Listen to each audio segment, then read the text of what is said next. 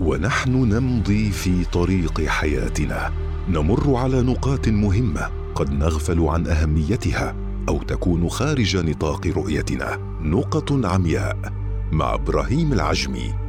أهلا بكم مستمعينا الكرام في حلقة جديدة من حلقات برنامج نقط عمياء في نسخته الثانية والذي نتطرق في كل حلقة من حلقاته إلى أمر مهم قد نغفل عنه في مفاصل حياتنا ويكون خارج نطاق رؤيتنا فنمضي في ممارسته فيشق علينا فعله أو يحرمنا الترك فوائده. في هذه الحلقة مستمعينا الأعزاء قد يظن بعضنا أن الإيمان بوجود الخالق ليس مهما أو لا يوجد لهذا النوع من الاعتقاد ضرورة في حياة الإنسان.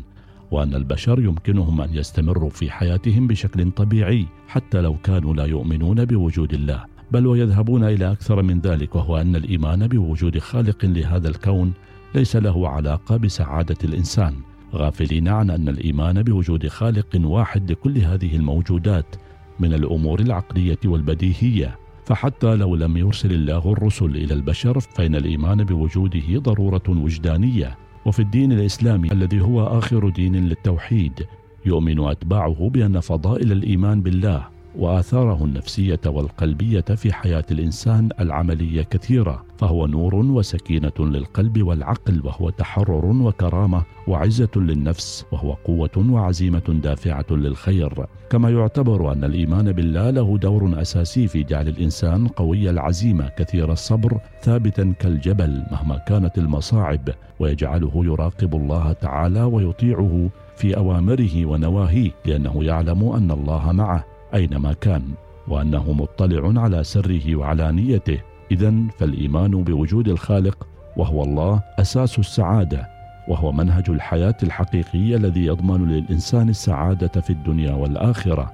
لأنه إيمان يخترق الظروف المادية والمحيط الظاهري ويتعدى إلى صميم القلب ليجعل الإنسان راضيا بكل ما يمر به من ظروف وأحوال بل ويدفع الإيمان بالله الإنسان إلى التغيير إلى الأفضل. وطلب الخير والكد في طلب الحياة الرغيده والعيش الهني. وكل ذلك لا يتحقق مع الآلام والضغوطات الحياتية والأحزان والهموم التي تعتري الإنسان إلا إذا كان الإنسان مع الله والله معه. فالخالق هو الأعلم بخفايا الإنسان وما توسوس به نفسه وهو أقرب إليه من حبل الوريد. فمن هو خبير بحالك ومدى طاقتك وتحملك هو الأجدر بأن تكون بجانبه. فقد سئل علي بن أبي طالب عن أن الله يرمي الإنسان بسهام الابتلاء فما العمل؟ فقال علي كن بجانب الرامي لن يصيبك أي سهم والإصابة هنا هي أن يضعف الإيمان والصبر ويظهر الجزع.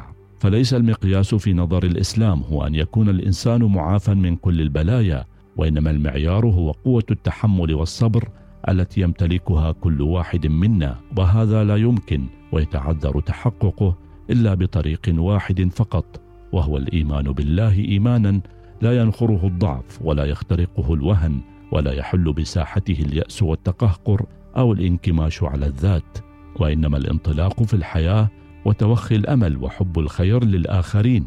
فالمؤمن بالله هو الذي لا يخاف من مكره ولا يمكن أن يصدر منه ما هو شر وأذى ويؤمن جانبه فهو الصادق الأمين الطيب الطاهر بل هو كل صفات الخير والجلال لأنه ارتبط بحبل الله المتين وصراطه المستقيم فلا يتعدى على أحد ولا يبطش به وأينما حل فالسلام هو رداؤه والأمان هو إزاره والرأفة هي غطاؤه اذا فالإيمان بالله منهج وروح وحياة.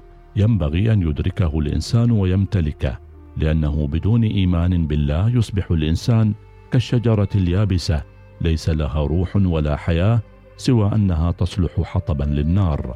فالإيمان بالله هو الرجاء والخوف في آن واحد والهروب من الله وإليه. فلا هنأ عيش من لا يؤمن به ويتنعم بمعرفته والشعور بلطفه ورحمته ولا يمكن أن يشعر بلذة الإيمان بالله إلا من جربه. وعاش في كنفه وشعر بقربه. مستمعينا الأعزاء وجهنا الضوء في هذه الحلقة على نقطة من النقاط التي يغفل عنها البعض أو تكون خارج مجال رؤيتهم وهي أنهم يظنون أن الإيمان بالخالق ليس ضروريا في حياة الإنسان. غافلين عن أن الإيمان بوجوده هو أس الحياة السعيدة ولا يمكن العيش بسعادة بدونه. على امل ان نلتقي مع نقطة أخرى من نقط عمياء. إلى اللقاء. نقط عمياء مع إبراهيم العجمي.